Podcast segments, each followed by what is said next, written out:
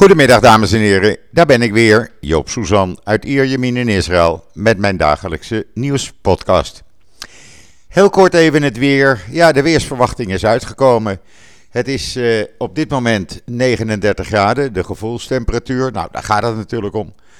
Als je buiten komt, dan is het echt uh, ja, een hele warme deken die over je heen valt. Dus in de airco is nog steeds aan te bevelen. Voor de rest is het blauwe lucht, een briesje uit zee. En uh, ja, de komende dagen gaan de temperaturen boven de 40 graden rijken. En zoals ik gisteren al zei, normaal voor de tijd van het jaar. Elk jaar in, uh, in de eerste week augustus is het dit soort uh, temperaturen. En dan even het coronavirus, oftewel even. Inmiddels is in Israël de derde vaccinatieronde van start gegaan voor mensen van 60 jaar en ouder. Nou, het loopt storm. Gisteren zijn er al ruim 40.000 mensen gevaccineerd. Uh, de wachtlijst is uh, ruim 250.000 mensen op dit moment die zich hebben aangemeld. Ik ben gisteren zelf ruim een uur bezig geweest om me aan te melden. Uh, uiteindelijk kreeg ik de bevestiging en kan ik woensdagmorgen om tien over half twaalf Israëlische tijd terecht. Ik heb uh, die afweging gemaakt om het toch maar te doen. Na veel uh, ja, lezen, vragen, met familie praten, vrienden praten en uiteindelijk tot het besluit gekomen om het toch maar te doen. Want ja, je moet jezelf toch beschermen. En dat blijkt ook uit de nieuwe cijfers van vandaag bijvoorbeeld. Gisteren zijn er 2114 nieuwe besmettingen geteld. Er, zijn, er waren ruim 80.000 mensen getest. Er zijn bijna 20.000 mensen op dit moment in het land die uh, besmet zijn met het coronavirus. 19.436 om precies te zijn. Gelukkig, het grootste gedeelte is gevaccineerd en daardoor eh, hoofdzakelijk lichte klachten. Er liggen ook mensen in het ziekenhuis, ook gevaccineerden, ongeveer de helft. Eh, 385 liggen er in het ziekenhuis, waarvan er 212 als ernstig worden beschouwd. 46 van hen in kritieke toestand en 42 van hen aangesloten aan beademingsapparatuur. Er zijn drie mensen overleden. Nou, uh, juist uit die overlijdensgetallen blijkt dat het uh, ten opzichte van de eerste, tweede en derde virusgolf. Ja, helpt het vaccin, want er overlijden heel weinig mensen gelukkig. Het zijn er nog te veel. Iedereen die overlijdt is er eentje te veel. Maar het zijn er aanmerkelijk minder dan in de vorige uh, golven van het coronavirus. Want toen zaten we gewoon 10, 20, soms 30 mensen die overleden op een dag. En nu zit het tussen de 1 en 3, dus dat valt enorm mee. Ook het aantal uh, patiënten in de ziekenhuizen natuurlijk staat in geen verhouding tot uh, het aantal besmettingen die er op dit moment zijn. Um, gisteravond was er um, op het uh, ja, bekende, beroemde Amerikaanse tv-programma Face the Nation werd eh, Dr. Sharon Alroy Prijs geïnterviewd. Zij is de directeur van de Volksgezondheidsdiensten hier in Israël. Uh, valt dus onder de minister van Volksgezondheid en ze is een expert op het gebied van virussen. En wat zij zei, en dat is, ja, voor duidelijker kan je het haast niet zeggen. Ze zegt: We hadden het coronavirus, de COVID-19. Die was besmettelijk. Toen kwamen er varianten. Die waren 50% meer besmettelijk. En nu hebben we de Delta-variant, die opnieuw 50% besmettelijker is dan de vorige varianten. Het toont aan hoe snel dan besmettingen kunnen gaan. Ze zegt ernstig ziek worden, ja, vaccineren en dan bescherm je je tegen. Vandaar die derde uh, vaccinatieronde. Ze zegt, waar we vroeger dachten dat volledig gevaccineerde personen beschermd waren, zien we nu dat die vaccineactiviteit op dit moment 40% is. Waardoor gemiddeld 50% van de reeds gevaccineerde uh, Israëli's alsnog besmet worden. Je kunt uh, haar interview zien op israelnieuws.nl. Het staat namelijk in twee gedeeltes in uh, het artikel. En zij legde ook uit waarom in Israël dus als eerste land eigenlijk het besluit is genomen om een derde vaccinatie te gaan, vaccinatieronde te gaan starten. Ze zegt dat bewijs is het verschil tussen de infectiepercentages bij diegenen die vroeg werden gevaccineerd, december, zoals ik. Ik kreeg in december mijn eerste vaccinatie. En uh, uh, het bewijs van de toegenomen ziekenhuisopnames van ernstige en kritieke gevallen onder de 60 jaar. En oudere bevolking die volledig is gevaccineerd. Eh, samen met het feit, zegt ze, dat we in de loop van de tijd een gebrek aan respons op het vaccin zien, dus het vaccin beschermt minder, heeft was dit dus de voornaamste reden om een derde vaccinatieronde te gaan starten. Eh, ze willen daardoor voorkomen dat eh, mensen ernstig ziek worden of aan het virus overlijden. Nou, ik denk dat ze daar uh, volkomen gelijk aan heeft. Nogmaals, uh, bijna 20.000 mensen zijn uh, besmet. En ja, als je dan kijkt naar het aantal in de ziekenhuizen, dan kan je rustig stellen dat dat, ja, nogmaals, in geen verhouding staat. 385 mensen. Dus men wil dat echt naar beneden halen. Gisteren trouwens, nu we toch met corona bezig zijn, deed zich iets heel bijzonders voor. Want de Knesset-voorzitter Mickey Levy en zijn vrouw, die werden gevaccineerd voor de derde keer.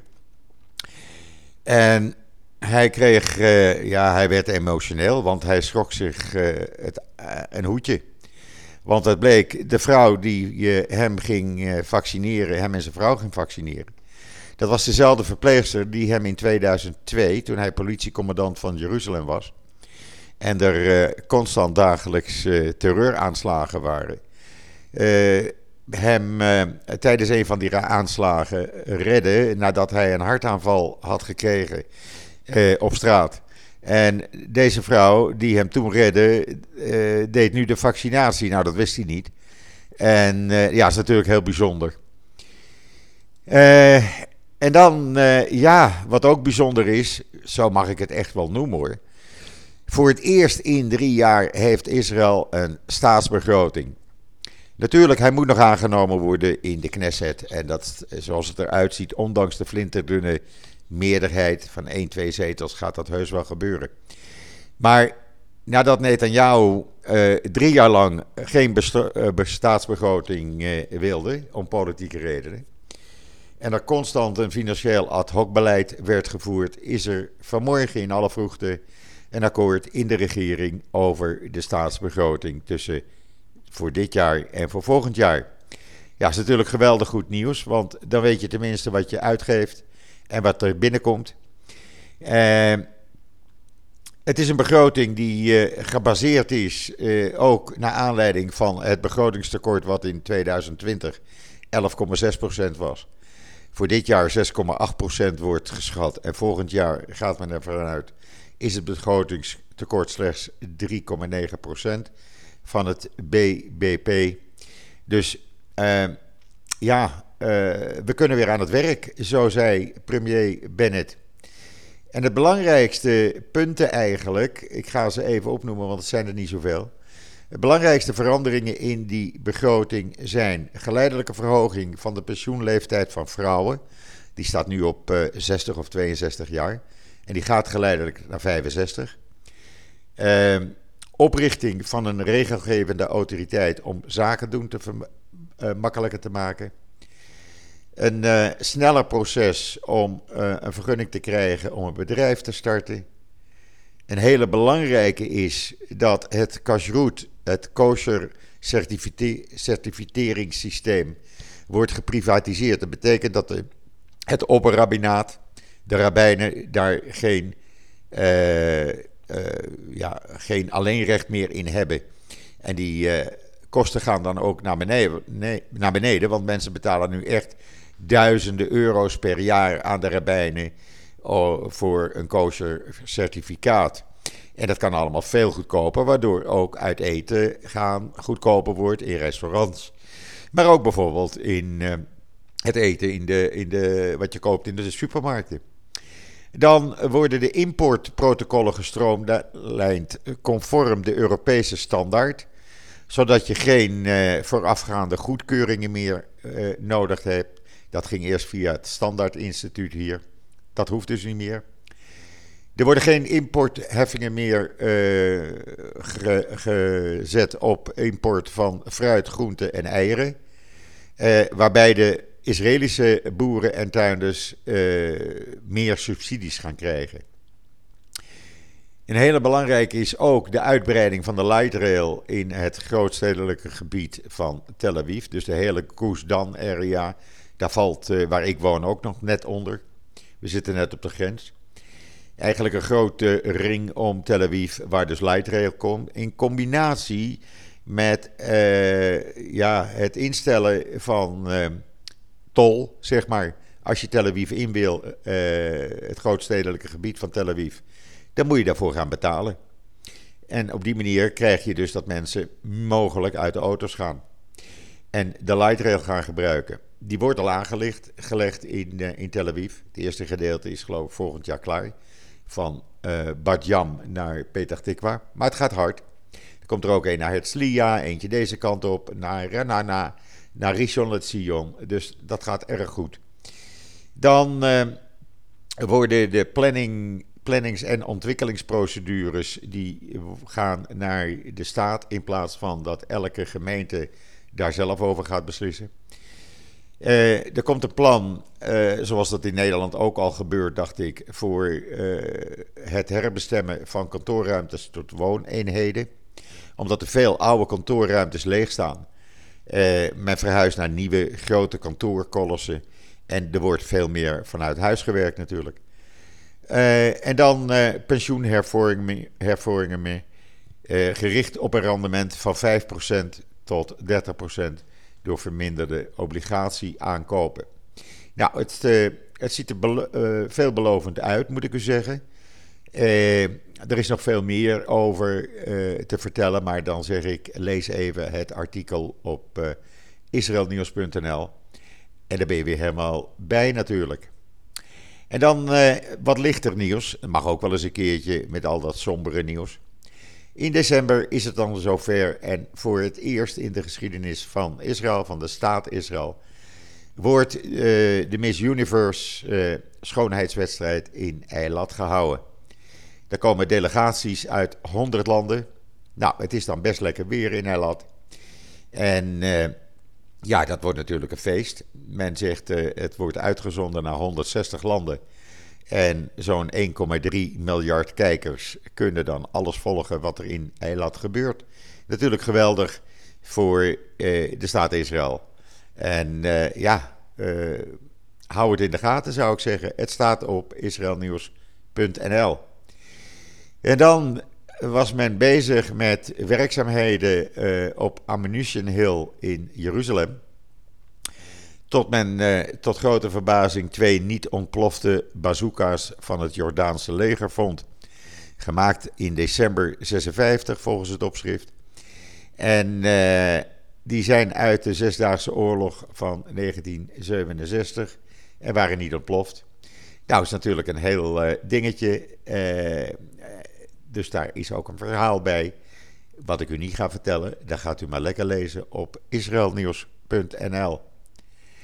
En dan nog even dit: een Israëlische start-up, Sixth Degrees, helpt gehandicapten hun elektronische apparaten te bedienen. Dat is een geweldige uitvinding. Veel mensen met uh, beperkingen, lichamelijke beperkingen, die kunnen die knopjes en al die toestanden niet uh, bedienen. En uh, zij zorgen daarvoor, dat kunt u ook zien op de video die bij het artikel staat, dat dat dus wel kan en dat je dus niet buitengesloten raakt.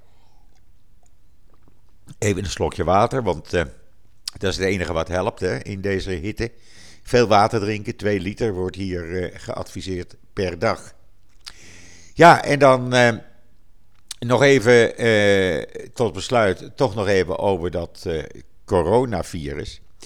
Men heeft het plan opgevat om alle schoolkinderen voor het begin van het schooljaar op 1 september een serologische test af te laten nemen. En waarom? Dan weet men precies hoeveel antilichamen een kind in, bij zich heeft.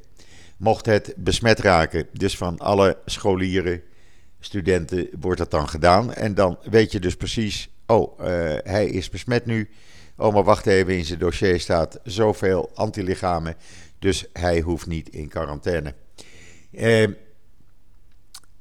Ik hoop dat het gaat lukken. Je weet het maar niet. Uh, je weet het maar nooit. Ze zijn hier in Israël altijd met van alles en nog wat bezig.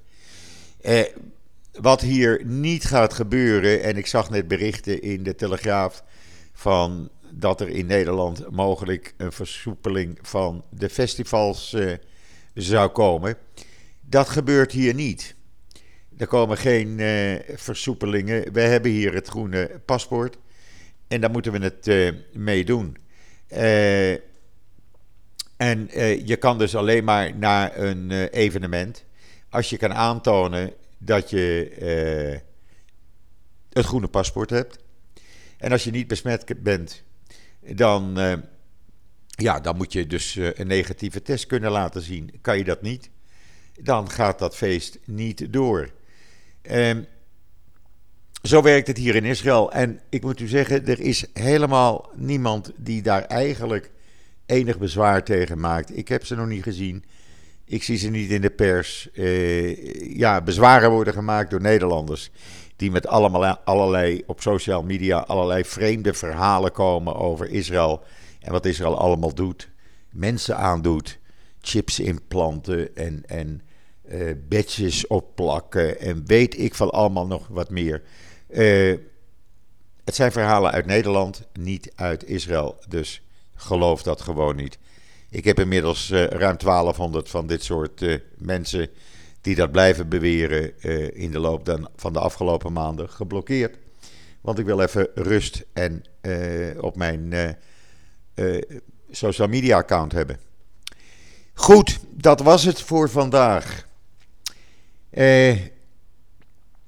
Eh, ja, in Nederland is het jammer genoeg niet zulk mooi weer. En het is jammer dat u niet hier kan komen. Maar wie weet, wie weet, over een paar weken, als we het allemaal uh, onder de duim hebben, het virus, dan uh, is hopelijk iedereen weer van harte welkom.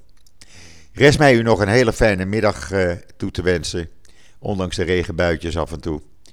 Wat mij betreft, ik ben er morgen weer en zeg zoals altijd: tot ziens, tot morgen.